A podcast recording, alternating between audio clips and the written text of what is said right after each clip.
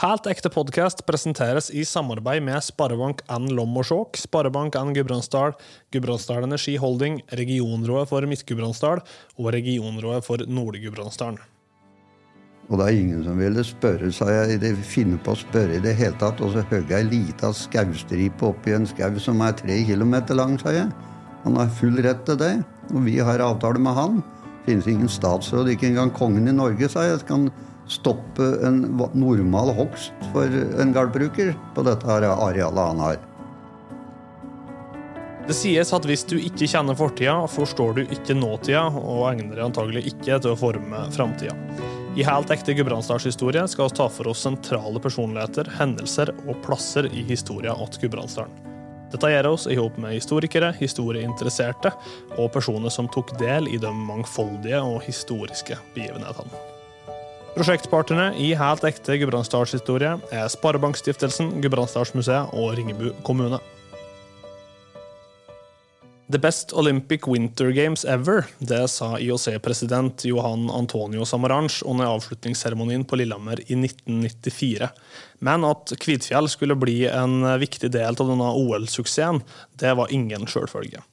I dag skal vi prate om den politiske kampen for Kvitfjell i hop med daværende Ringebu-ordfører Erik Winther. Erik, hjertelig velkommen til Helt ekte. Takk for det. 30 år siden OL, Erik. Hva er du husker best fra dagene i Kvitfjell? Ja, da er det vel det som veldig mange av som var borti arenaen litt tidlig. Eh, så sto vi oppe i bakken, og så så vi den kjempemessige svarte ormen som kom over Laugen. Eh, det var jo da kalkulert til ca. mellom 40 og 45 000 mennesker som kom over isen. Og der sto altså den uh, hvite røyken, da, det var jo 20 kuldegrader, den sto som ei sky over hele den svarte ormen som gikk over der. Jeg har egentlig litt av historie der, for det, som jeg ikke har tatt med. Men uh, det ringte meg generalinspektøren for Hæren. Han ringte meg etter at det var klart at anlegget skulle bygges, og at vi skulle gå over Laugen. Og da sa han det at Åssen har du tenkt å gjøre det? sa han. Det kan jo være utrygg is der. Ja, sa jeg, jeg tror vi skal greie det. Ja, men jeg styrer jo ingeniørvåpenet, jeg, sa han. Han var jo inspektør i Hæren, ikke sant? Generalmajor. Sved het den. Hvis du vil ha noen sånne transportbruer, sånn, så har jo vi dem bort på Terningmoen min, sønn. Ja, jeg veit ikke hvor mange jeg trenger, sa jeg. Det kan jo være i jo, sa jeg, å se på isen. Men den fire-fem stykker hadde sikkert vært bra. Jeg kommer om til veka, jeg, sa han. Ja, men penger, sa jeg. Å, Forsvaret tar det som en øvelse, veit du, sa han. Ingeniørøvelse. Så derfor lå det bru der.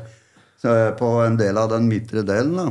Mm. Men ellers så Jeg hadde noen gode hjelpere. Ja. Men hva dere hadde gjort hvis de, de ikke hadde kunnet stilt opp, da? Nei, altså da måtte vi jo uh, antagelig uh, vært så tidlig ute at vi hadde vanna. Ja. Altså bora høl og pumpe opp og legge is oppå isen. For det, det var vi, vi, mente jo at det skulle holde, da. Det var jo bora, selvfølgelig. Men det kunne jo være Veit aldri, for dette var jo like over med Osen på Holdfossen. Ja. Så, altså, det var jo litt sånn forsøk, men det var uh, umulig å tenke at de kunne gå etter veien vet du, bortover der. Og så mye biler og busser var ikke mulig å få inn. Så du måtte ha alt på den sida. Mm. En Sivert og jeg var jo ikke født engang da under lekene i 94, men også hørt veldig mye om eh, OL på Lillehammer. Og kjenner dessverre litt for lite til historien og de politiske kampene i forkant. Hva, hva tenker du om det utgangspunktet egentlig for den eh, podkasten her? Heldigvis så er flertallet av befolkningen nå uh, i den sjiktet deres. Det, det, er sånn det er, og det registrerer jeg at, at uh, Og det er veldig bra at de er opptatt av det som skjer i dag. Mm. Altså skirennet og, og, det som er blitt rundt. Det er jo det som var hele hensikten vår òg. Så at det er renn borti der, det, det er jo en sånn blitt en årlig eh, spiss på det. Men vi har jo fått i gang det vi egentlig ville med dette. Og det er jo det som, sånn som dere ser. At det er tusen hytter og, og liv og røre i bygda. Og sentrum i Fåvang og Ringebu er stappfullt med, med biler og folk eh, hver helg. Men derfor så vil vi ta dette her litt attende til starten, da, så vi får en eh, forståelse for den tida vi skal attende åt. Eh, og så skjønte jo det at eh, OL-saken for Ringebu kommune den begynte jo tidlig på 80-tallet. Og eh, da var det jappetid og ei periode med mye økonomisk eh, optimisme. Det var vel slik i Gudbrandsdalen òg?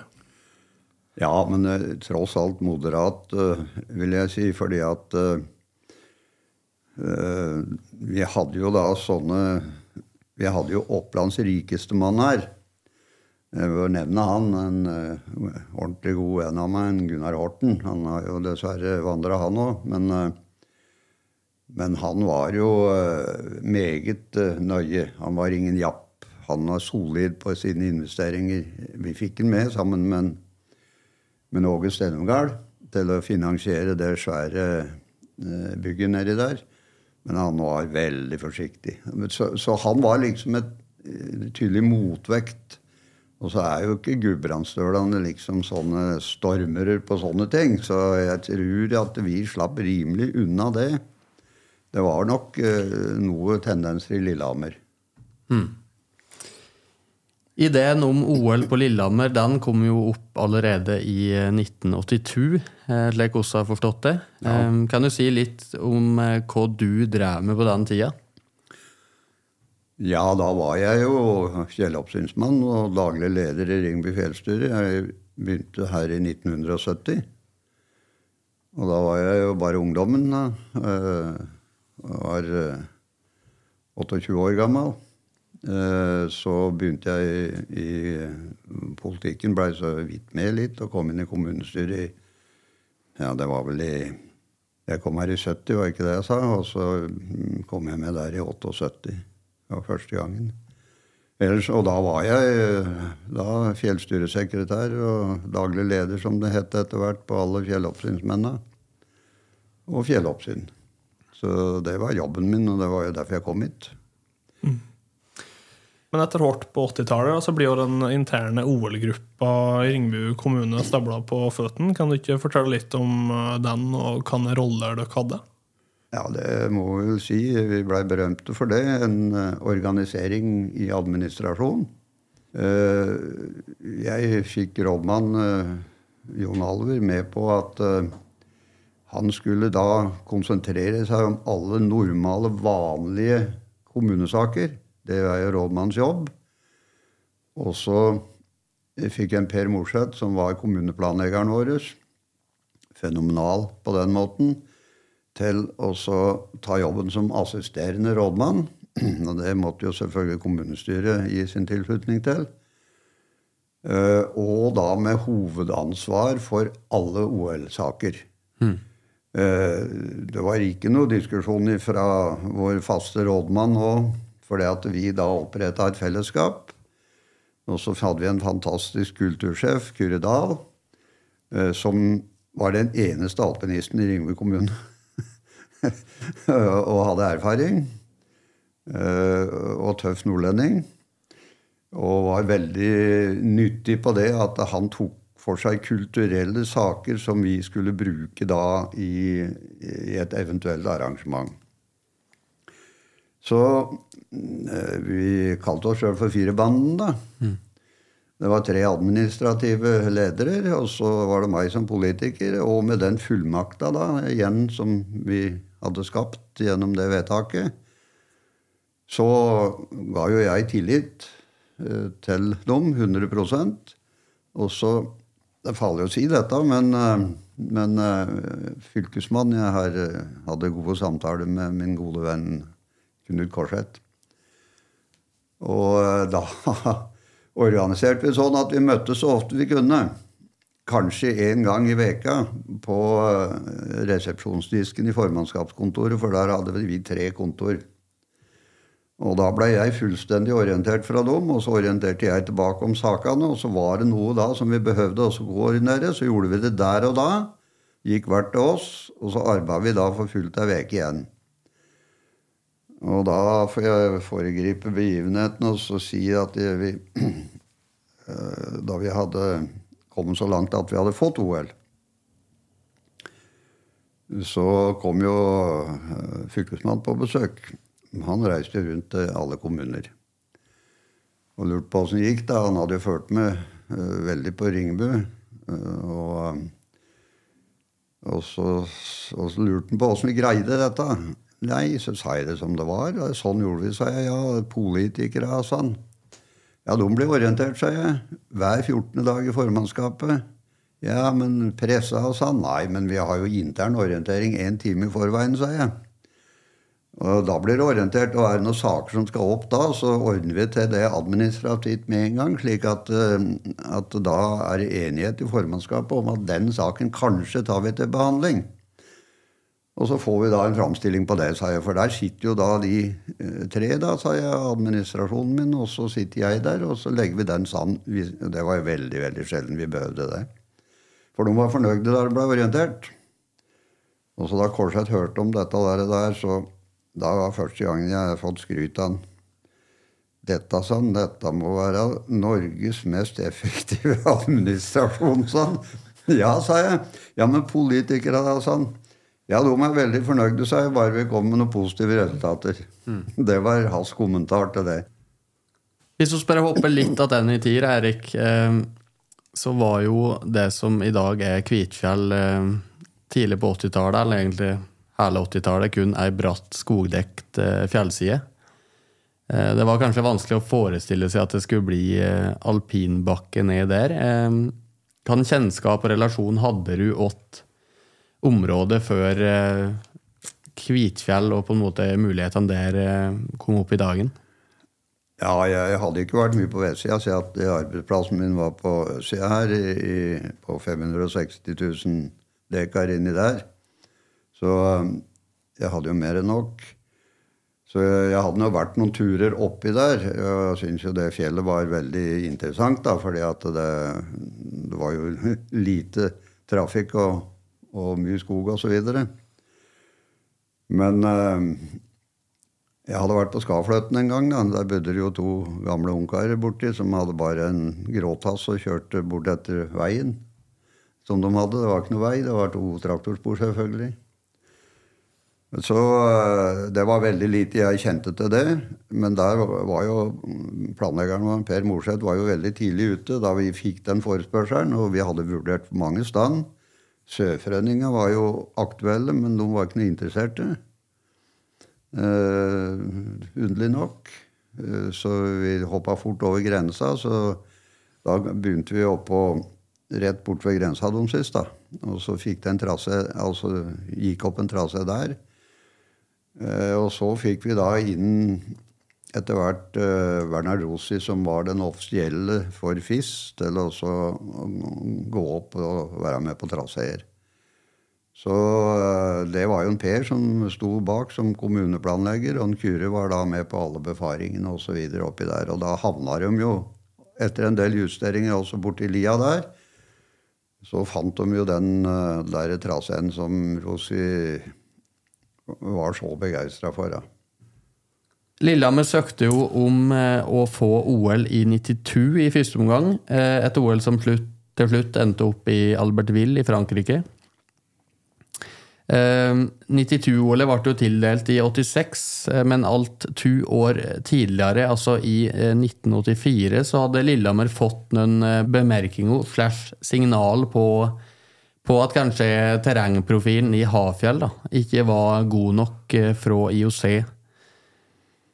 Hva, eh, hva begynte dere å tenke da? Ja, det var jo eh, Det var jo egentlig FIS da, som hadde merknader, altså Hodler. Dette er jo ei Jeg skal historie kort, men det er jo en artig historie, da jeg kom i kontakt med, med Mark Hodler, som etter hvert ble veldig nær eh, så var det slik at eh, han hadde vært alpinist i Hafjell, han. I et studentmesterskap i Jeg husker ikke om det var 8 eller 39. Og da fortalte han jo historia. At da starta de oppe på Hafjell. Og så da var det så flatt sand at da vi kom ned i lia et stykke, så leda alle nordmennene helt klart sånn, for de sto og staka. Vi hadde jo ikke med oss staver engang, sånn, og trodde vi skulle haka. Og så blei det jo såpass bratt til slutt da, sånn, på noen gamle hesteveier og litt av hvert nedover der at, eh, at vi kjørte jo fra dem, sånn, men eh, størstedelen av oss utlendinger vi havna nede i Fåberg og nede i Lillehammer sånn, og kom med hesteskyss opp etter uh, riksveien igjen, sånn, for vi kjørte oss bort på gamle hesteveier. Så, så, det blir aldri aktuelt for meg. Sånn. Aldri, aldri. Vi kan ikke godkjenne Hafjell som noe utfor trasé. Sånn. Så det var han helt klar på. Ja. 30.9. Eh, i 1985 eh, Lokk, det nasjonale OL-selskapet, signaliserer at de ønsker å bruke Myrlikampen eller Kvitfjell da, som en arena til utfor eh, for menn i søknaden om OL i 92. Men eh, aller først eh, Lokk i stuttetrekk. Hva var det? Nei, det var jo, det var jo bare lillehammeringer, da. Og, og de hadde jo plassert da de tunge bankfolka som eide Hafjell, eh, inn i ledelsen i Hafjell. Så eh, vi, vi så jo med en gang at ja, det, det, var jo, det var jo banken som eide det, og de satt altså da både i Lukk og, og i Hafjell. Så vi forventa jo at det skulle dukke opp igjen umiddelbart, altså. Så det, at de ville prøve seg De hadde jo et anlegg.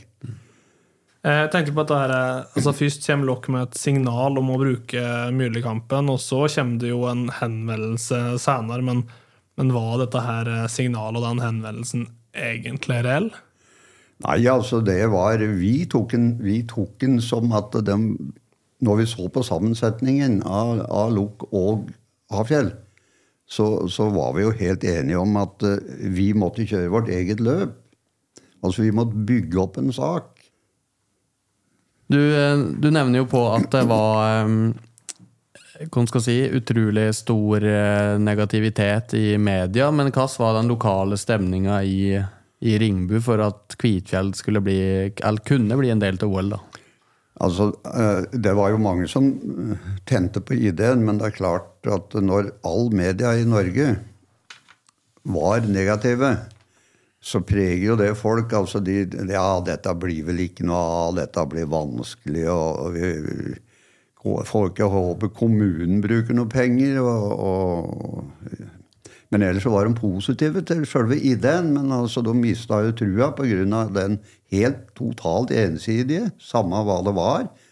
Så, så var det jo bare Det var bortkasta. Ja, det er også også inne på nå, at det var litt lek Ringebu og Kvitfjell mot verden. Men for å danne felles, eh, en felles forståelse for denne bakgrunnen, kan du litt i i stuttetrekk nå forklare hvem aktører var som sto på de ulike sidene av den saken. her. Hvem var liksom, på lag med, med Kvitfjell og Ringebu, og hvem var som motarbeida Ringebu? Nei, altså vi hadde, vi hadde, full støtte i Norges Skiforbund. Johan Baumann og, og selvfølgelig styret hans. Og vi fikk jo da full støtte fra Det internasjonale skiforbundet.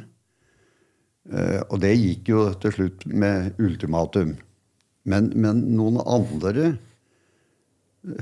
det var jo da Bygdefolket begynte jo å slutte opp om det, men de var jo tvilende hele tida, de òg. For dette greier de vel ikke.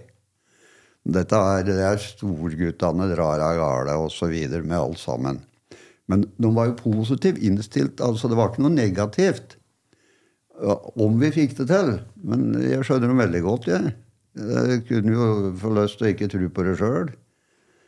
Eh, men eh, nei, det, det, det, var ikke, det, var ikke, Vi registrerte ingen positive signaler i, i den store medieverdenen. Hver gang det dukka opp noe om OL, så var det Hvorfor skal vi ha to alpinanlegg?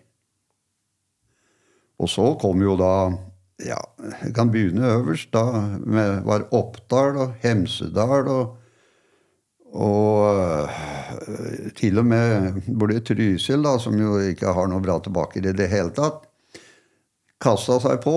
Og da, der var jo øh, alpinanlegg. Og stortingsrepresentanter hadde de jo alle stand.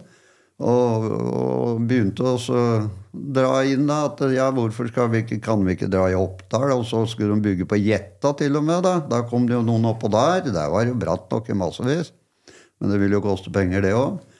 Så det var liksom overalt. Og så kom til og med året dukkende opp. altså Da kunne gi bort den der vesle der utfor-greia. Der kunne vi kjøre i året. Det var ikke, det var ikke grenser for uh, og påfunn. Det var alle stand. Var det ikke et påfunn på uh, Mjøsaura? Et mulig påfunn der? Ja, ja, ja. Da, ja. ja jeg får, forta den historia der. Ja, den. Jeg sto opp i kantina en dag, og så fikk jeg en telefon, og den sendte de opp der.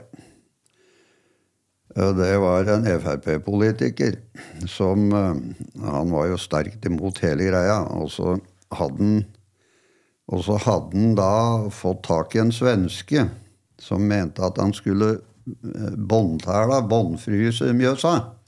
For da kunne alle øvelsene gå på Mjøsa, på isen. Absolutt alt sammen. Dette var sant, altså. Den fortalte meg Jeg visste ikke om jeg skulle le av denne kroppen, aldri hørt om den. eller... Og, men så ringte han meg fordi at den der, den der helvetes utforløypa Åssen øh, skal den være? Uh, kan vi ikke bruke Hafjell, og så, og, så, og så, går ikke an å ha den oppe i isen? Ja, så sa jeg at det blei litt vanskelig, sa jeg. Så vidt jeg veit, så er nå ikke Mjøsa i alle fall over 500 meter dyp. Ja, men det måtte da være nok. Nei, sa jeg. Hun må være 800 meter dyp, og så må det være sånn at vi kan ha tre kilometer med løype, sa jeg. Da banna man i telefonen. og så la han på røret. så, det, så det, var, det, var, det Jeg hørte ikke noe mer til. eh, høsten 1986. Eh, Lillehammer får altså ikke OL i 92, og det neste OL-toget da går bare to år senere pga. at OL-syklusen skal endres. Ringebu kommune fortsetter da arbeidet med å posisjonere seg mot et potensielt nytt OL. Det må vel vitne om en offensiv kommune? Ja, vi, fikk, vi hadde jo det vedtaket ikke sant, som jeg refererte til, som, som faktisk ble gjort da i 85. Og vi arba jo da på de, de midla vi hadde, men da i motvind absolutt hele tida. Helt til det at det kom det der eh, vedtaket der. Og da, da da arba jo vi for fullt, og da stilte altså Stortinget representanter, eh, og i komiteen, altså ikke skriftlig, men hele tida, vi måtte skaffe private investorer. Eh, det gikk ikke ellers. Så da måtte jeg ut da, i markedet, men det var jo ikke noen som ville turt å satse på noe som ikke var noe ennå.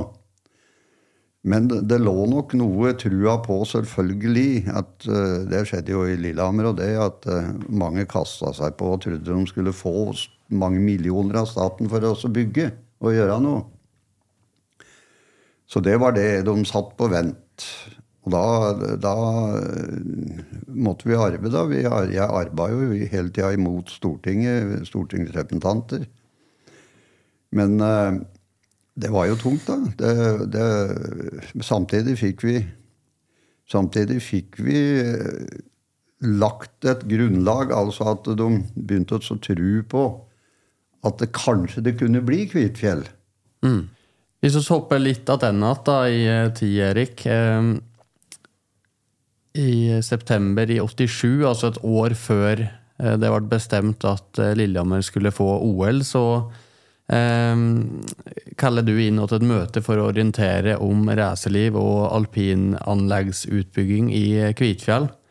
Eh, og på daværende tidspunkt var det jo egentlig Hafjell og eh, eh dem som de banktoppene i OL-selskapet som eh, som satt på korta i forhold til å på en måte dra inn det endelige um, anlegget ja. under sin paraply. Ja. Var, var, dette på en måte starten uh, på den uh, politiske maktkampen?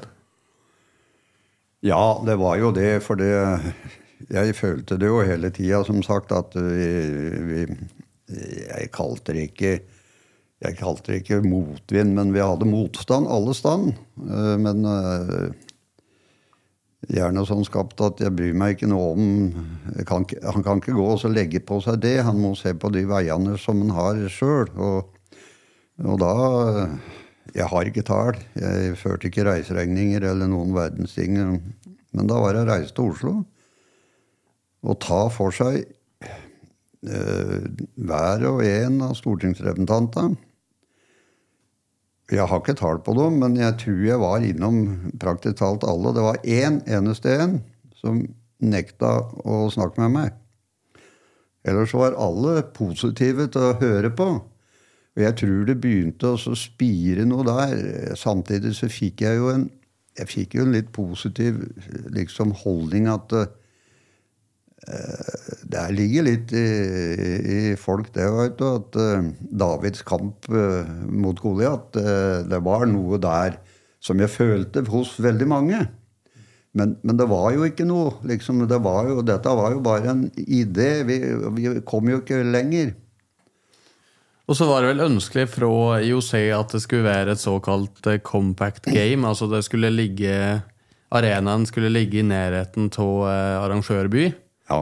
Eh, og så hadde jo Hafjell, som vi var inne på i stad, og Lillehammer da, fått eh, signal eh, i en tidligere søknad om at Hafjell ikke hadde på en måte en nødvendig topografi da, for å arrangere eh, de alpine fartsdisiplinene. Hva sa de eh, mente nå at de kunne få det til i en ny søknad? Nei, altså da, da, da var det det at eh, det var økonomi, det. Det var penger. Og der hadde de altså, De hadde jo da en av Norges mest solide eiere, ikke sant, når en, en stor bank eh, sitter som eier. Og så var det å forbedre det. Det kom jo noen sånne påfunn om at de skulle bygge opp Reine Holmenkollstillasjen oppå der for å få øka farten. da. Og det var masse sånt Nei, altså, de, de, følte seg så sikre på at det der, der det, det bare de fikk overbevist politikere om det. At det her sparer dere 100-150 millioner, kanskje. Eh, så da trodde de på det, altså. Så det var Ja, jeg veit ikke hvor mange ganger de prøvde seg i Stortinget. Jeg brøy meg, jeg brøy meg egentlig ikke om det. For jeg kjørte mitt helt egne løp, helt bevisst.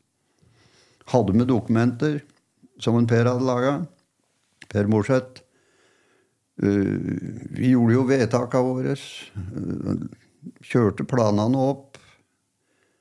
Og så uh, fikk vi laga ei brosjyre. Den, den var faktisk litt artig. Der hadde vi ei, det var ei sånn, bare ei sånn lang, ei, som et stort sjekkehefte, som du bladde opp i. Og så Der sto det alt som var av, av våre positive sider og osv. på de første. Og så hadde vi laga da ett svart ark, et beksvart ark, uten noe på. Og så når jeg bladde opp den, da, så de fikk brosjyra, bladde opp den også. Så her, her ligger avgjørelsen. Og her Den gjorde jo veldig virkning etter at departementet er kommet. Og da hadde jeg en ny runde. Og her ligger da departementets utsagn. Og da, da måtte de glise litt, da. Og så kom det positive bak der igjen, da, på den brosjyra. Det var den jeg kjørte mye på inni der og delte ut. Og det, det, det hjelper å ja Være folkelig, tror jeg. Mm. Helt alminnelig. Prøvde å være hyggelig med dem. Og, og spurte om det ikke var sånn at vi kunne ta en kaffekopp, da, hvis dere spanderer, sa jeg. det var vel en som, ikke, en som ikke ville prate med deg, som du nevnte. og ja. da... Hva var, hva var, grunnen for at han ikke ville prate med deg? Nei, Han var helt imot. Helt imot, så dette er ikke noe å komme her med. Nei, dette der vil han ikke være med på i hele tatt. Han kom jo fra en landsdel som ikke har noe særlig forhold til alpint, for å si det sånn. da. Men eh, nei, han var helt avvisende. Kom ikke her. Jeg presenterte meg og gikk inn av døra som en folkeskikk tilsier, og presenterte meg og sa hvem jeg var, og hvorfor jeg var der. Pekte på døra. Gå ut av døra. Vil ikke høre, vil ikke se deg. Så enkelt var det. Det er jo kanskje ikke så like, typisk gudbrandsstøl å eh, drive og banke dører på Stortinget. Du, eh, du har jo kanskje en litt annen bakgrunn i forhold til å være den typen? Ja. ja jeg, har ikke noe dårlig å si om Gudbrandsdøla, jeg. altså På noen måte. Jeg har jo tross alt levd mesteparten av livet mitt der. Jeg har Ja, nå i februar, så Ja, da, da Det er 53 år siden jeg ble ansatt, så så jeg har bare godt å si om dem, men, men de er jo litt sånn kanskje ja, de ser, ser, eh, seg rundt uh, i sin egen verden her i dalen. Ja, og er nok litt sånn tilbakeholdne. Jeg har med meg, jeg tenker jeg har hatt med meg døler jeg, som, som ikke ville snakke når vi skulle inn i resepsjon. For de, eh, folk på hotell, fordi at du får, du får sjekke oss inn. fordi at de de snakka ekte døl, og da og henter jo at noen av de her resepsjonistene spurte opp igjen, ikke sant? Og da, da Du får snakke. Det, det syns jeg var en rar Når det kommer så mye rare vestlendinger som du knapt nok eh, skjønner et ord av. 15.9.1988 så blir jo Lillehammer tildelt uh, Lækan uh, i 94. Og 16.3 i 1989 så settes det jo da i gang arbeid med en kommunedelplan for Kvitfjell, og det blir lagt frem forslag om at Kvitfjell bør bli arena for de alpine fartsdisiplinene i OL. Og da En liten måned senere så blir det gjort et eh, kommunestyrevedtak eh, på at OL-saken skal gi Ringebu-samfunnet en positiv og en langsiktig utviklingspuls, både økonomisk, sosialt og kulturelt. Hva innebar det her? Nei, det var egentlig målsettinga vår totalt. Da. da ser du det kom jo inn det kulturelle til en Kyrre der, da, som eh, Altså, vi satsa så massivt på det at det ble formulert på den måten der. Det kan jo virke litt sånn flokselaktig, men det, det, skulle, det, skulle, være en hovedsatsing for Ringebu kommune. Det er det som ligger i det vedtaket der. Eh, vi hadde jo andre områder som vi skulle utvikle. Vi, som jeg sa, vi var jo en, en relativt stor industrikommune. En veldig stor landbrukskommune. Og store utmarksområder ellers. Og et et, et eh, ganske stort eh, utbygd område på Vennabyfjellet fra gammelt av, helt fra 50-åra framover. Så, så, vi hadde jo, og boligfelt hadde vi begynt også å få etablert oss. Og jeg syns jo det gikk ganske bra, men befolkningen seig jo nedover allikevel. Som jeg sa da jeg slutta i, i, i 95, så sa jeg at da så jeg klart at den største utfordringen Ringebu kommune har, det er synkende befolkning. Dessverre. Du, I forkant av OL og mesterskap eh, generelt så er jo støtt økonomiske vurderinger om bruk av statlige midler. og Det hjalp jo ikke kanskje i denne saken at eh, jappebobla den sprakk i 87. og Flere nasjonale banker gikk konkurs, og i tillegg var det jo stor, eh, stor splittelse i Jan P. Syse-regjeringa rundt synet på statlig finansiering av OL. Og Flere av skeptikerne hadde jo fått med seg at eh, Ringebu kommune nå kjørte sitt eget løp for at det skulle bli noe stort i Kvitfjell. Og da begynte vel eh, rabalderet for alvor? Ja, ja, det gjorde vel det. Det var jo, det var jo Men, men vi skal huske på det at når, når, ting bryter sammen, som det kanskje kan si da når jappetida gikk konkurs, for å si det som det var, så, eh, så er jo noen som er seriøse. Og som, eh, og som uh, dukker opp og, og, og, ser muligheten. Altså når, når, alt er nede, så er det jo noen som sier til meg, har sagt til meg at ja, men da er jo de store mulighetene ligger der. Så det var det de så. Og så så de jo da at en liten kommune hadde tørt å tro på. Så for oss så, så, mener jeg det faktisk var en fordel, for da var det mest bare seriøse folk igjen. Vi hadde altså med oss et par selskap som trodde de skulle bare høste av det, men de ble jo gjennomskua ganske fort. ikke sant? Så det var vi ferdig med. Og da ser vi jo det. Vi har jo fått inn bare seriøse utbyggere.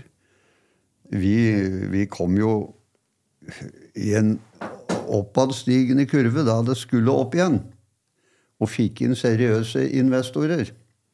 Og da hadde vi altså alt sammen klart. Vi hadde planene. Vi, vi skulle ikke sette bort noe så noen måtte vente på i år eller dag. Så det var et, det var et eh, veldig sterkt bevisst satningsområde, og vi hadde trua.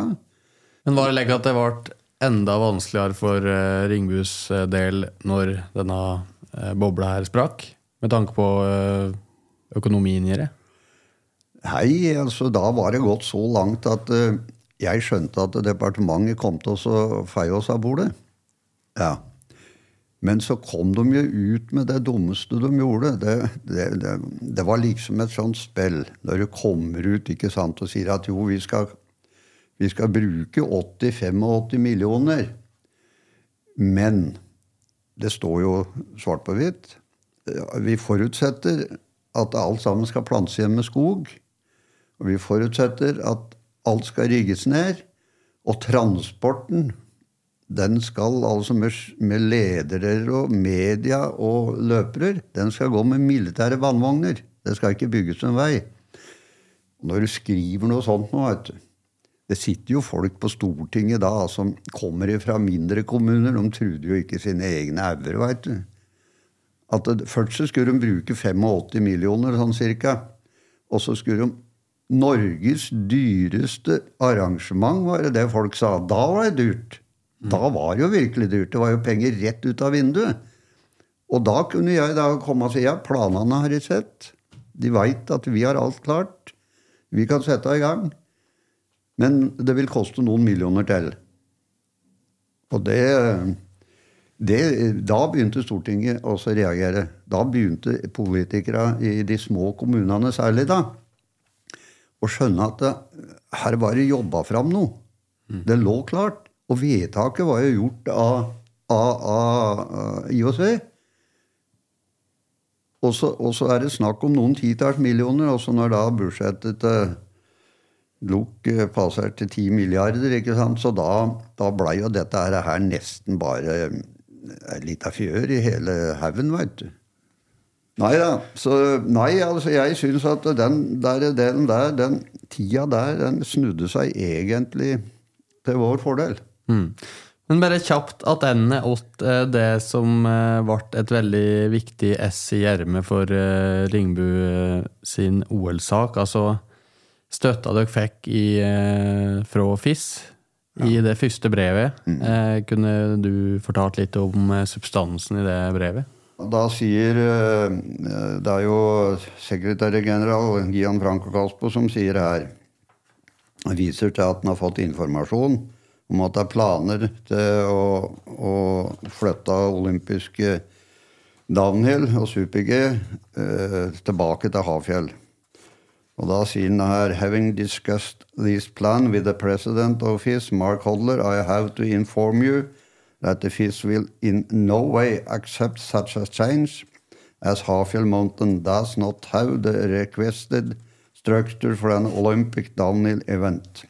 In case the Lillehammer Organization Committee would decide to use Harfield instead of White Mountain, most probably no ski events at all will be carried out at the 1904 Olympic Winter Games. Mm. Dette er jo Det var ganske klare ord.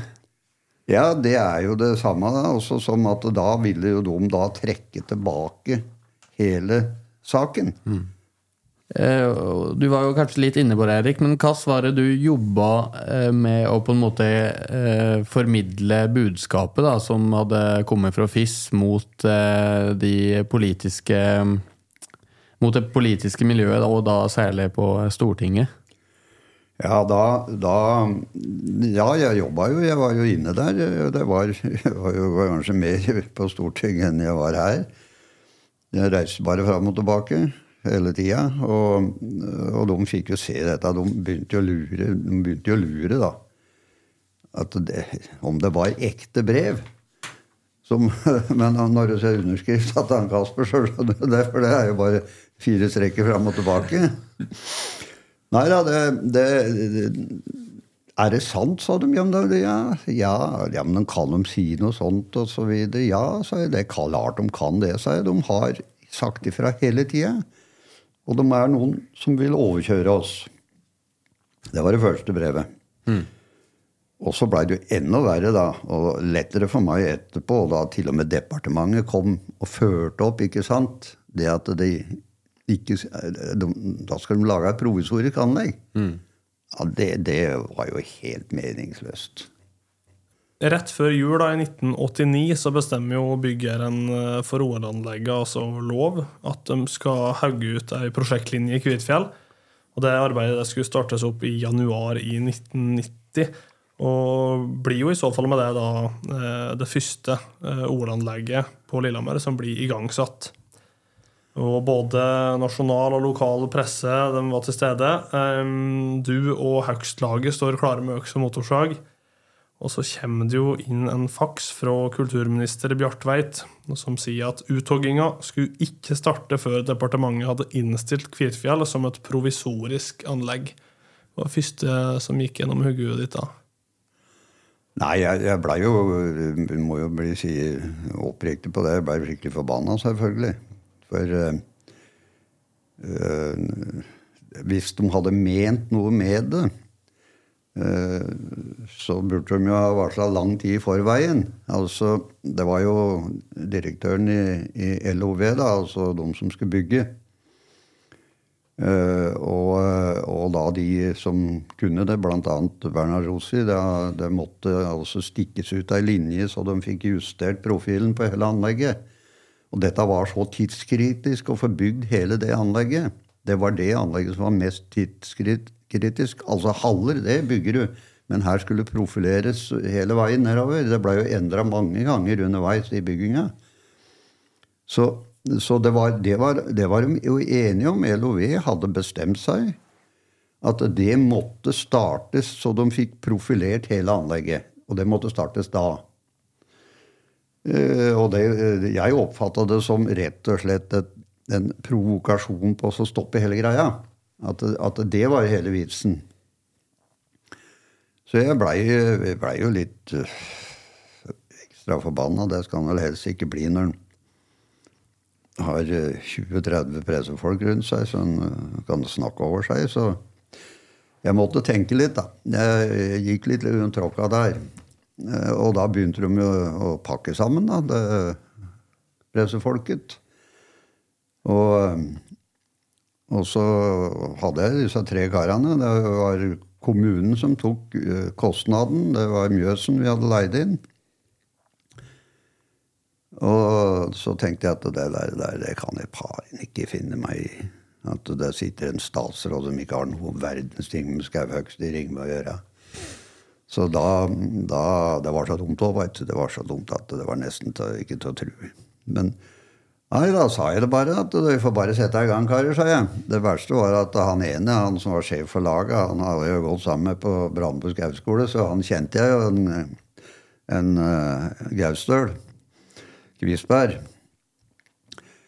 Uh, og de var glisa, veit du, og dro i gang motorsagene sine. Og da blei det jo helt vill vest oppå der. Så, så starta de opp, da. Og da media begynte vel å skrive, så jeg pakka sammen. og ja, lurte på økonomi. Ja, Så sa jeg at vi hadde, lite, vi hadde jo et lite næringsfond på noen hundre tusen.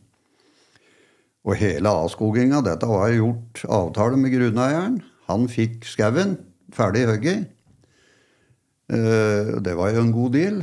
Uh, og, og, vi skulle koste arbeid med det der, og det var et par hundre tusen. Maks da kanskje 150 bare. Som Løsen skulle ha for det, og det hadde vi penger i næringsfondet vårt, og da sa vi da at vi tok det. Men jeg var jo helt klinkende klar på at det kom vi jo til å kreve når det blei noe. Og få igjen selvfølgelig hvis de skulle bygge for 85 millioner kroner og så laga provisoriet. Ja, så ble det jo en del fram og tilbake der, da. Jeg sa vel noe vi ikke skulle sagt, jeg tror ikke jeg skal gjenta, men Du sa vel at eh, en får bruke vettet denne som har det? Ja, ja, det hører du sier det. ja, jeg sa det. Jeg innrømmer det.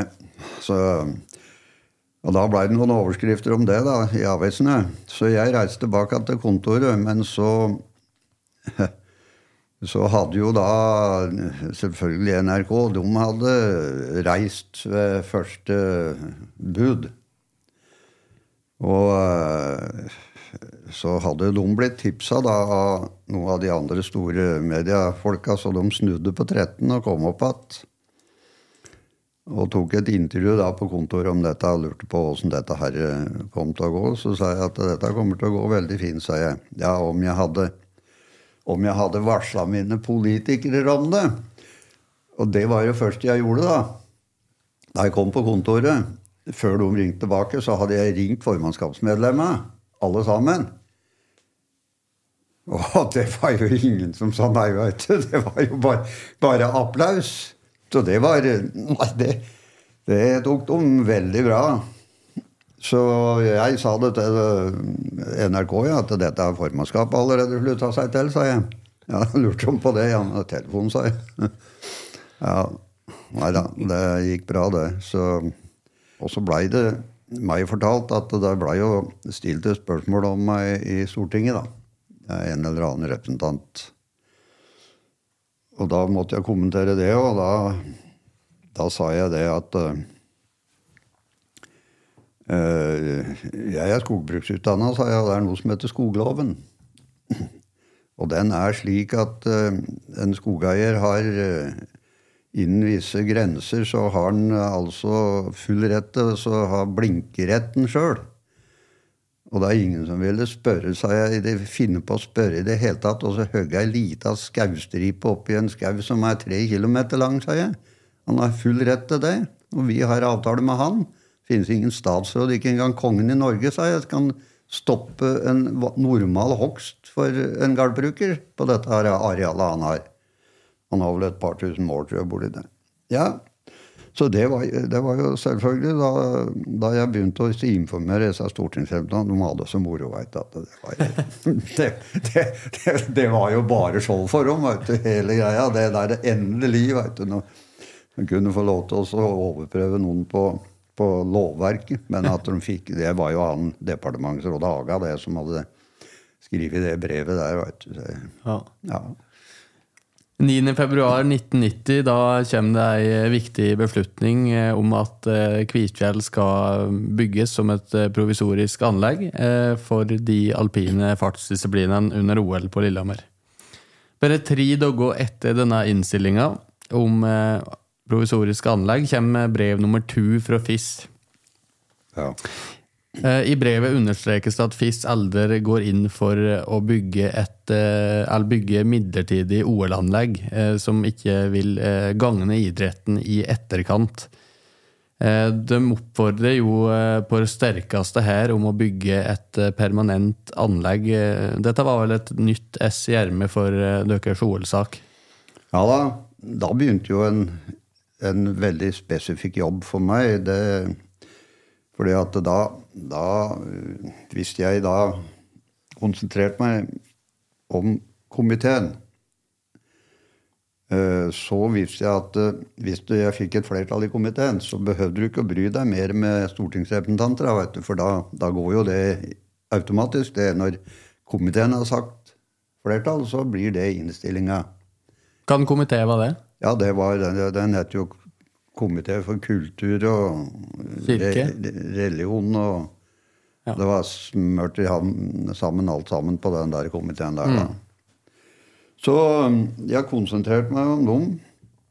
Uh, og da hadde jeg jo hatt møter med en god del av dem som stortingsrepresentanter. Så, så da jeg kom med det brevet der, og så kom med den dokumentasjonen at vi hadde jo gjentok jo det, vi hadde privat investor, og vi og vi hadde alle planene klare. Og nå hadde vi to brev fra Internasjonale Skiforbundet som de sa at de ville ikke ha noe mer med OL egentlig å gjøre. Eh, så begynte det å modnes, og så hadde jeg da eh, en mangeårig god venn, Kjell Borgen. Han hadde jo vært ordfører sjøl oppe i Øvre Rendalen, så han visste jo hva en liten kommune sto for. Så han blei heldigvis da eh, saksordfører. Og så kom vi da etter hvert til det avgjørende møtet. Ja, og Kan du fortelle om det møtet du egentlig ikke var invitert på? Ja, jeg var invitert. Ok. Ja, men, eh, men altså De skulle ikke på befaring i Kvitfjell. Komiteen hadde møte den 5. 5. mars på, på Lillehammer. Og eh, da hadde de lagt opp eh, befaring på alle OL-anleggene. De hadde jeg befart før runder. Det er altså alle i Lillehammer, til og med Hafjell. Altså, ja, det var nesten så ufattelig dumt at det går ikke an, veit du. Da, da trassa de altså på at eh, det var Lillehammer som la dette, og Lok, befaringa, at da stoppa de på Hafjell. Hvorfor det? Nei, altså de ville vel prøve, da, og så støtta opp under innstillinga fra komiteen, ikke sant? Og da var jo ikke Kvitfjell Det var, skulle jo ikke bli noe, det ble jo bare provisorium. Men var det ikke vedtatt fra departementet tidligere Nei, nei, da var departementet hadde jo kommet med innstillinga si, ikke sant? Og komiteen sto jo da klar til å ta sin innstilling Ja, ok. på departementets Ja. dokument. Okay. Så hvis de hadde ført det, så hadde det blitt provisorium. Og da, da la altså Lok opp, sammen med Lillehammer kommune, ei befaring som skulle gå over to dager. Og hvor de ikke skulle til Kvitfjell. Alle andre anlegg. Og så var det lunsj da etterpå på første dagen, og så var det befaring videre da eh, på Gjøvik og Hamar andre dagen. Og det var jo innkalt, det som fantes. da. Til og med biskopen var innkalt. Og selvfølgelig politimesterne i to fylker. og og alt som kunne krype og gå av LOK og LOV og, og Lillehammer kommune. Og så var det da eh, vi eh, fire andre ordførere, da. Og da fant ikke jeg noe grunn til å reise nedpå der og få gratis lunsj, altså for å si det rett som det var. Det, det, det gjorde jeg ikke, så jeg satt hjemme. Når siden de ikke kom hit. Og jeg hadde jo da hatt mange møter med komiteen på forhånd, som sagt. eh, Enkeltrepresentanter. Og så um, jeg satt på kontoret, og så ringer Kjell, Kjell Borgen meg. 'Kommer du ikke?' 'Nei, sa jeg, har ikke noe der å gjøre', sa jeg. 'Dere kommer jo ikke til Kvitfjell i det hele tatt'. Så mm, jeg har sagt det jeg skal til komiteen, sa jeg. 'Nei, du må komme', sa han. Ja, ja, sa jeg. Det, jeg kan nok ta en tur, sa jeg. Ja, du må komme med en gang, sa han. Nå skal vi til å ete lunsj. Ja, det Efi, sa jeg. Den har jeg ikke noe bruk for. Nei, du må komme, sa han. Så jeg hev meg i bilen og kjørte og var nede der på en time. Og kom inn der, så ble det jo litt oppstandelse, da. Jeg kom jo, De hadde jo satt seg til bords, så. Og da, og da kommer Kjell, da. Stimende bort til døra. 'Du skal sitte her', sa han. Bort ved bordet vårt. 'Vi har hauger med spørsmål', sa han. 'Nå må det jaggu være godt for deg'. Ja, så gikk jeg bort der, og så dro de sammen to bord, og så, så hele komiteen var samla. Så spiste vi, da, og så Ja, da var det jo sånn at eh, Jeg skal ikke henge ut noen for dette, men da var det jo sånn at alle ordførerne skulle få fem minutter. Så de var jo ferdige de da, med sin før de begynte å spise. Og Så kom ordføreren i Lillehammer bort til meg og så lurte på om jeg hadde noe å si òg. Ja, sa jeg. Tenkte jo det, sa jeg, men jeg har jo alle sammen her. Ja, ja, du får fem minutter, du, som de andre sa. Ja vel, sa jeg. Jeg greier vel det, sa jeg. Du veit jeg bruker sju minutter, jeg, sa jeg. Ja. ja, ja. Så spurte han Kjell ja, åssen skal du greie dette. Han sa jeg har bestandig sånne gule lapper. Jeg, da. Det ble jeg litt bekjent for. Virker litt sånn uh, arrogant, det her jeg skal si, men jeg pleide å si til dem at uh, hvis du ikke kan snakke en halv time på det som står på en gul lapp, så enkelt er det, da har du ikke gjort leksa di. Det skal ikke være mer enn de punkta der det får platt på en gul lapp. Og da skal du kunne det du sa. Ja, så ja, det er ikke noe interessert. Nå skal vi spørre, sa han. Ja, men jeg må jo si litt så de andre hører det her òg, da, sa jeg. Så, så sa jeg litt, da, om det. At vi hadde ikke tenkt oss å gi oss ennå på at vi skulle ha permanent anlegg. Men da jeg satte meg ned igjen da, da var det jo helt kaos. Altså, sa han Kjell det at ja, her er jeg som bestemmer taletida, sa han. Så det er bare å snakke. Og da Det hagla inn med spørsmål, alle sammen. De prata i kjeften på hverandre. For da hadde de altså kommet så langt selvfølgelig i prosessen at de syntes det var helt umulig at de skulle vedta et Ja, som en sa, Og skal folk tru oss om, da, sa han. At vi er noe som skal plantes igjen med skau. Og kjøre bandvogner i Norge opp med løpere. Det var Så ja, så da da jeg, jeg, fikk så mye spørsmål og kunne svare noenlunde bra for meg, mente jeg. Og, og, så var det noe ferdig, da. Så da sa han Kjell at ja, da skal vi inn her, sa han. Det blir en liten pressekonferanse. Og da dur han inn der, og der var det stabla opp med alt som kunne krype og gå av, av, av, norsk media. Og NRK og, og TV og og da, du, da begynte han, og så spurte han én og én representant hva går dere for. Én og én, og de svarte. Ja, da er det et klart flertall, sa han Kjell. var ferdig. Og da, og da de var jo, ja, de var godt fornøyd, for dette hadde de jo diskutert, selvfølgelig. Så de viste jo det. Men og da gikk jeg ut derfra, og da visste jeg at det da var det klart. Og da gikk det vel bare til så vidt ut i april, så vidt jeg husker. Så kom innstillinga fra dem, og da, og da var det akkurat det flertallet som var på det møtet, som blei bestemt der. Mm. En nokså utradisjonell avstemning? Ja, det kan du si. at det med Kjell var jo utradisjonell òg. I april 1990 eh, Kvitfjell blir jo innstilt fra Stortinget som da et eh, permanent anlegg. Og videre handler det om å få på plass etterbruksmidler. Og For at Kvitfjell skulle bli vedtatt som et permanent anlegg, så krevde jo Stortinget at Ringebu hadde med seg private investorer. Og det var jo, som som så vidt har var innom i prat med og dialog med flere, aktuelle før dere landet i avtale med en Tom Hagen. og da er vel eh, grunnlaget for hytteutvikling og Kvitfjellhotellet på mellomstasjonen lagt? Ja, da, da, hadde vi gjort ei avtale om at uh, han skulle ja, få 35% av aksjene.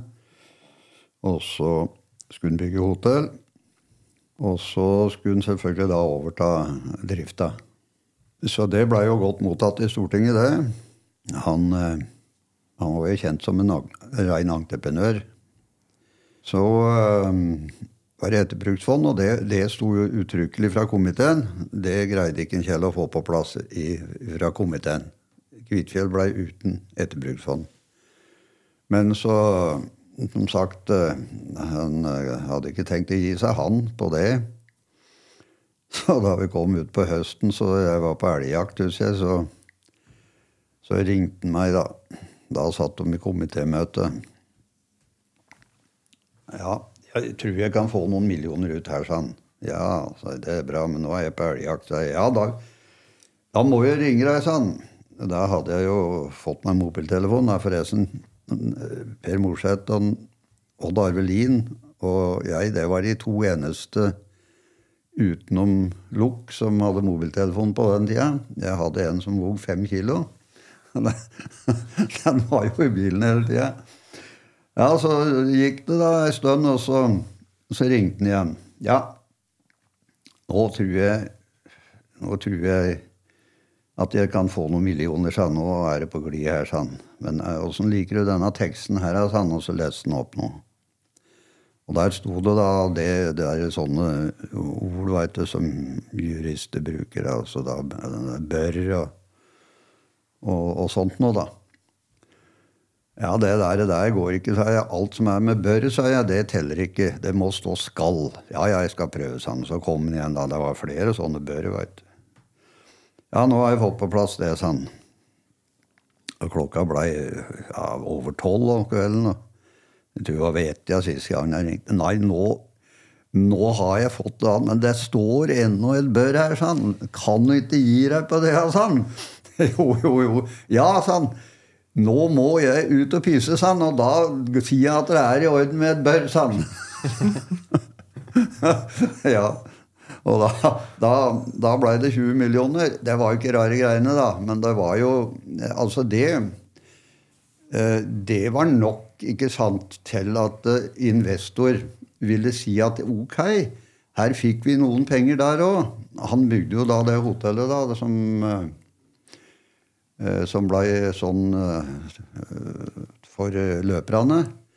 Det blei jo bygd i Norge på fire uker, tror jeg. Så det var jo rekordpris, rekordtid på, på et hotell til en ganske god pris.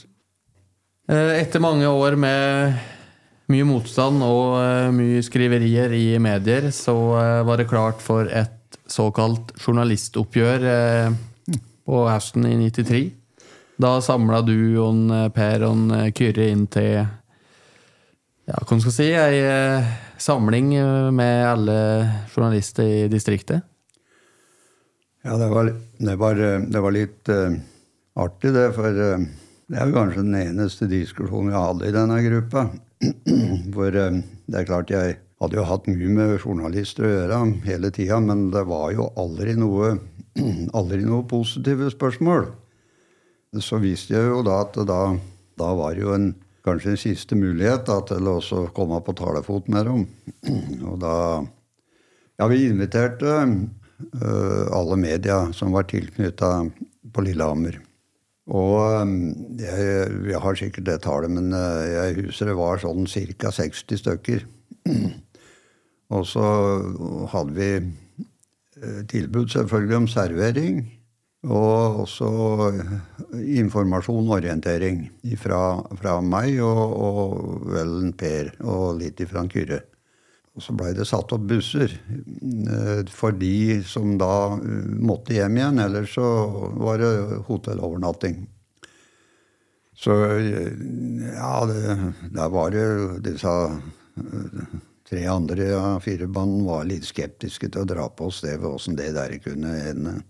Nei, ja, sa jeg. Det, vi, vi, skal gjøre det på følgende måte, sa jeg. Vi hadde sånne halvannen, to meter høye sånne vegger sånne som du kunne stikke på bare med nåler og så henge opp plakater og alt mulig rart på. Disse fikk vi kjørt oppi der. og tror det blei borti en ja, Det var nå i alle fall over ti meter med sånn vegg. Og så hadde vi jo samla på alle avisoppslag de har vi vel fremdeles i, i kommunen. Kløpt ut. Og dette er kopiert opp. Og så stifta vi opp alt vi hadde av, av sånne oppslag fra alle aviser. Og en del var jo direkte også fra, fra NRK, selvfølgelig, for det kunne vi jo få utskrifter på. Og så kom vi inn der, da, og da hadde vi planlagt at vi skulle servere spekemat så mye de orka, og flatbrød og smør og øl og akevitt så mye de orka, alle sorter. Men du veit at eh, da vi kom inn Det er journalister på sitt beste, veit du. der. De stima inn, og så satte de seg, vet du, og så fikk de se denne veggen. Og da alle sammen rasa bort og begynte å peke. Og der er mitt. Og ja, nei, hva husker du det? Og, og bortover hele verden. Det var så vidt vi fikk samla dem inn at da stod de skulle lese opp at det de sjøl hadde skrevet for mange år siden. Ja, det var, ja, det var show. Da holdt jeg tre kvarters innlegg. Og de satt som tente lys. Han drakk litt akevitt innimellom, da og hørte på. Og jeg, jeg, jeg starta jo med det, at nå har de sett all den driten de har skrevet. Så det går kanskje an at de nå skjønner at vi har greid det. Ja, og så skriver de om det. Og derfor vil vi være hyggelige, og vi serverer dere nå alt det gode vi har å by på. Og så får de se alt de sjøl. Og så kan de gå hjem igjen og sove, og så kan de tenke på det. og, og så orienterte han Per, og så orienterte han Kyrre eh, om sine elementer. Per vi viste jo til planene og alt sammen. Vi hadde kart og slått opp og alt mulig om det.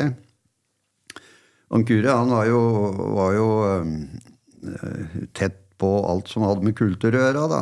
Det var jo noe Vi, vi åpna, jo, åpna jo bakken sjøl, vi, da. Fem minutter før uh, Lukk skulle komme og åpne. Så kom karene ned med OL-flagget og norske flagger kjørende på ski. og så sto jeg uh, nesten nede i målområdet, og så ønska de velkommen til Og da starta jeg med We, we have reached our goal. Ja, det var det. Ja, det var, det var kjempe De prater om det ennå. Jeg traff en journalist nå bortpå her. Jaggu kom bort, og så Han glemte aldri den der seansen oppe i hotellet i Kvitfjell. Ja, kaffen var vi var i. Ja, nei, det glemte de aldri. Så det, så det var en fulltreffer. Og etter det så var det ikke én negativ uh, sak i media. Ingen vei å tenne da? Nei. Da var det positivt, alle sammen. Ja. Denne begivenheten her markerte jo kanskje litt lek Ni-ti eh, år hard politisk kamp for din del, Rik. Ja. Eh, hvor mye har dette der eh, kosta deg? Nei, altså Det var ei, ei tid så, så, var det jo bare dette jeg levde for, og jeg sov nesten ikke om natta. Vet jeg var Ja, jeg hadde en episode det, Jeg stoppa ofte da når, hvis jeg kom hjem igjen fra Oslo. Jeg prøvde å komme hjem da, for å øh, nesten ikke brukt hotell. Og da stoppa jeg jo etter veien, kjørte vindusruta halvveis ned, og så sto jeg bordover i, på alle de steder kan komme en bil ut, og så sov jeg i ti minutter. Men en gang på vinteren så kom jeg ned i Skarsmoen, de veit jo det er den gamle veien der, da. Og da var jeg så vanvittig trøtt, og så tenkte jeg at jeg får prøve å komme meg hjem igjen. Og så uh, satt og kjørte da, og så farken, tenkte jeg. Hvem er det som driver og banker? Da hadde jeg sovna. Hvem er det som driver og banker på bilen? Og da hadde, da hadde jeg kjørt ned fem brøytestykker på høyre side som hadde gått i forskjermen min. da, og da, Det var det jeg våkna av. Den femte stikka kom og så slo i forskjermen min, og det trodde jeg var noen som sto og banka i bilen min. Da hadde jeg kjørt etter. Jeg måtte jo gå bakover og se, da. Da var det så høy brøytekant, ellers hadde jeg jo reist ut. At da bilen lå etter kanten bortover, kjørte ned fem brøytestykker. Da, da, da, kjørte jeg bare bort på 13, og så stå, satte jeg meg til å sove. Skjønte at grensa var nådd. Mm. Nei da, det Nei, det leita på. Det, det gjorde jo det. Jeg var jo aldri annet enn hjemme for å sove noen timer. Ja. Det, mm. det, gikk døgnet rundt, det. altså. Det gjorde det. det. Men, men, ja, det var jo selvfølgelig tilfredsstillelse når du skjønte at du kom i mål, men jeg, jeg var på åpningen. Men det er det eneste jeg husker av arrangement. Også Kvitfjell. Mm. Så,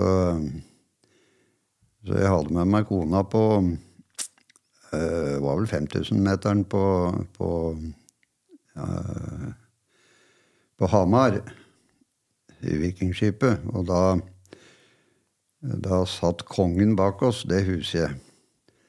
Kongen og dronninga. For da var det vi reiste oss, og så skulle rekke opp henda, veit du, sånn.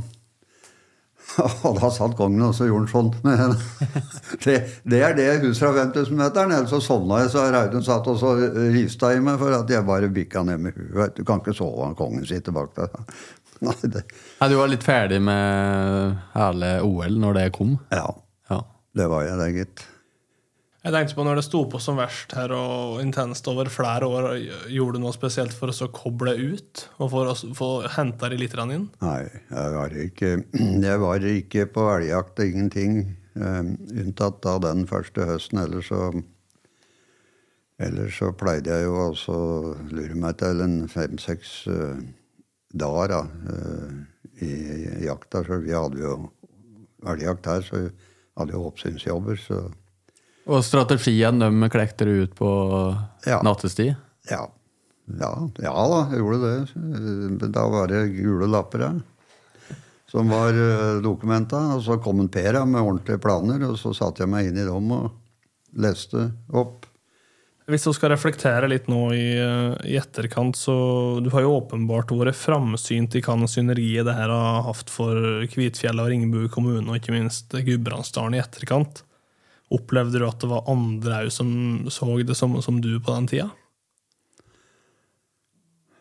Nei, de var jo så skeptiske. De var jo det. Og så var det veldig positivt da, da vi hadde fått til anlegget. Men, eh, men, da var det liksom ja. Da var det Jeg tror folk var veldig godt metta av OL-saken, og, og blir det til nå, ikke sant? Men eh, så fikk vi jo etter hvert på plass investorer. og og, og, det ble, skjedde jo utbygging. Og det, jo, det, har jo virkelig tatt av, det, selvfølgelig. Det har jo vært mange gode folk der som, som har uh, stått på og investert penga sine. Så Tror du, Erik, at dette her døkk eh, greide i Ringbu hadde vært mulig i dagens Norge? Nei. Det tror jeg ikke. Hvorfor ikke? Nei, det, da, da, er det, da, er det, så mye miljøinteresser at uh, Da tror jeg ikke det hadde vært mulig å få laga De prøvde seg jo det jeg, jeg, mener jeg forsvarer miljøet bedre enn kanskje mange andre, men det er jo i allmenningene inni her. Men, men, det var jo miljøkrefter på Lillehammer du, som støtta fullt opp under gjenplantinga. Uh, og det var ikke fordi at de så på det som vi virkelig så på det, men det var galt nok med utforløypa. At vi høgner så mye skau. Mm. Som sagt, altså Skaueieren kunne jo høye dobbelt så mye uten å spørre noen. Så det er noen eh, som har noen sånne fantasier oppi huet om alt. Så, men, men vi så jo at vi måtte ofre noe selvfølgelig borti der. Mm. Men, men, i dag tror jeg ikke det hadde gått. altså. Det Angripe et nytt område. Mm. Det tror jeg ikke. Rett og slett. Som vi var inne på i starten av uh, intervjuet, Erik, så var jo uh, målet å dere i kommunen å skape et samfunn med liv og røre, arbeidsplasser og attraktivitet. Og siden 1990 1990 så er det investert oppimot 15 milliarder i, eh, i Kvitfjell. Eh, I dag er det rekordstor aktivitet med eh, hotell, hytte og servicebedrifter. Og dette har jo hatt enorme ringvirkninger for lokalsamfunnet. I en rapport som heter 'Hvis Kvitfjell ikke var' viser tall til at uh, dette her har generert oppimot 500 årsverk i, mm. i, mange, i, mange, år nå.